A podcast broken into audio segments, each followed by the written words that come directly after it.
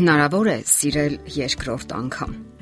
Երբեմն պատահում է այնպես, որ ամուսինները բաժանվում են, ապա նորից միանում։ Նրանք մտածում են, որ ինչ որ բան չի ստացվել եւ հնարավոր է երկրորդ անգամ փորձել, ունենալով ավելի հարուստ փորձառություն եւ զգալով սեփական սխալները։ Ասենք որ ամուսնալուծվելու հապճեպ որոշում կայացնում են հիմնականում երիտասարդները, չդիմանալով առաջին իսկ փորձությանը։ Սակայն հետագայում նրանք զղջում են իրենց որոշման համար եւ քայլանում դեպի նախկին ընտրությունը։ Իսկ հնարավոր է արդյոք ամեն ինչ սկսել զրոյական մակարդակից եւ մոռանալ վիրավորանքներն ու արցունքները, հուզական տվայտանքներն ու բաժանության ցավը։ Իհարկե հնարավոր է, եթե մարդիկ գիտակցում են սեփական սխալներն ու իրենց մարդկային անկատարությունը։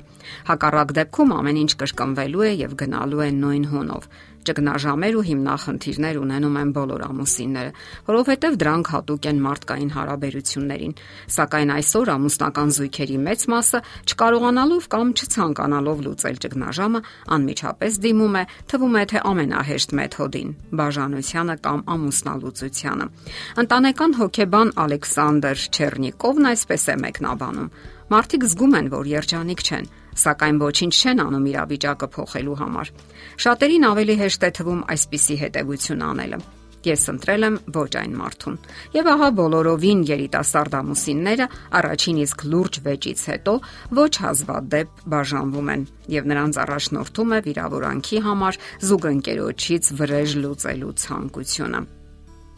Սակայն անցնում են տարիները։ Նրանք տեսնում են, որ իրենց կյանքն այս կամ այն ձևով չի ստացվում եւ վերադառնում են նախկին մտքերին։ Նրանք արդեն հասուն անznավորություն են եւ հասկանում են, որ անմիտ քայլ են կատարել։ Իմիջայլոց շատ ֆիլմերի հիմքում հենց նման տեսարաններն են, երբ ճակատագրական որևէ դեպքի հետ կապված նրանք ստիպված են համատեղ պայքարել դժվարությունների դեմ եւ հաղթահարել, եւ դա ամրացնում է նրանց կապն ու հարաբերությունը։ Իսկ վերջնական արդյունքում նրանք միաբանվում են։ Հոգեբաններն ասում են, որ եթե դուք երկրորդ անգամ եք ամուսնանում, ապա դա սխալ որոշում չէ։ Ընդհանրապես համարում են, որ հարաբերությունները մաթեմատիկական հաշվարկի չի ենթարկվում։ Հարաբերություններն ինչ որ իմաստով եւ ճիշտ են եւ սխալ։ Ահա թե ինչու բաժանության ժամանակ զույգը չի մտածում, որ սխալ քայլ է կատարում։ Նրանք մտածում են, որ այս պահին ամենաճիշտ լուծումը միմյանց հրաժեշտ տալն է, որովհետև այնքան հիմնախնդիրներ են կուտակվել, որ ուրիշ լուծում իրենք չեն տեսնում։ Սակայն անցնում է ժամանակ։ Նրանք անցնում են կենսական փորձությունների միջով եւ հանկարծ դարձյալ որոշում են միաբանվել։ Սեր թե կարոտախտ Կարևոր է չշփոթել անցյալի կարող տախտը հարաբերությունները վերականգնելու իրական հնարավորության հետ։ Հոգեվերլուծաբան Ստանիսլավ Ռաևսկին մեկնաբանում է. Նախկին ամուսնու կամ կնոջ հետ սեռական հարաբերությունները չի նշանակում, որ այդ մարդիկ իրենց կյանքը վերստին միաբանելու դիտավորություն ունեն։ Դա իր մեջ ներառում է եւ մեկ այլ մարդու հանդեպ իշխանությունը պահպանելու ցանկությունը եւ ինքնագնահատականը բարձրացնելու պահանջմունքը նա չի կարող մոռանալ ինձ կամ ես նրա կյանքի լավագույն տղամարդն եմ, անփոխարինելի։ Սակայն չարժե հույսեր փայփայել, որ հաջորդ առավոտյան նա քո ձեռքն ու սիրտն է խնդրելու։ Հասկանալի է, որ դժվար է միայնակ ապրելը։ Մտերիմները քննադատում են ամուսնալուծության համար։ Ապագան անհայտ է եւ այդ պատճառով էլ վախեցնող, սակայն դա առիթ չէ հարաբերությունները վերականգնելու համար։ Դրանք կարող են բերել նոր խզումների եւ արդեն անհամեմատ ավելի ծանր կլինեն խզման պատճառած ապրումները։ Դուք պետք է անկեղծորեն հարց տակցես։ Ինչու ենք վերստին միաբանվում։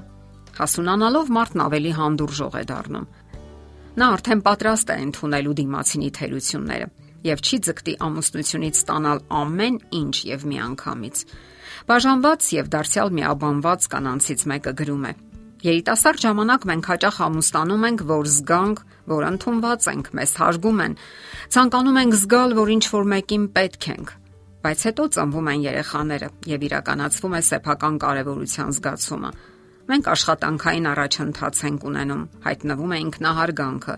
եւ երբ նորից ենք հանդիպում նախքին ամուսնու հետ, ցանկություն է առաջանում ոչ թե վերցնելու, այլ տալու, հոգալու, ստեղծելու համատեղ բարեկեցություն։ Այո, շատերը բաժանվում են, որովհետև հաղթում է եսասիրությունը։ Իսկ ահա հասունանալով զգում են, որ իրենք անարդար են վարվել եւ այժմ պատրաստ են հետ դարձ կատարելու եւ վերականգնելու հարաբերությունները։ սկսում են նորից միմյանց բացահայտել ամենատարբեր ոլորտներում։ Այդ թվում նաև սեռական։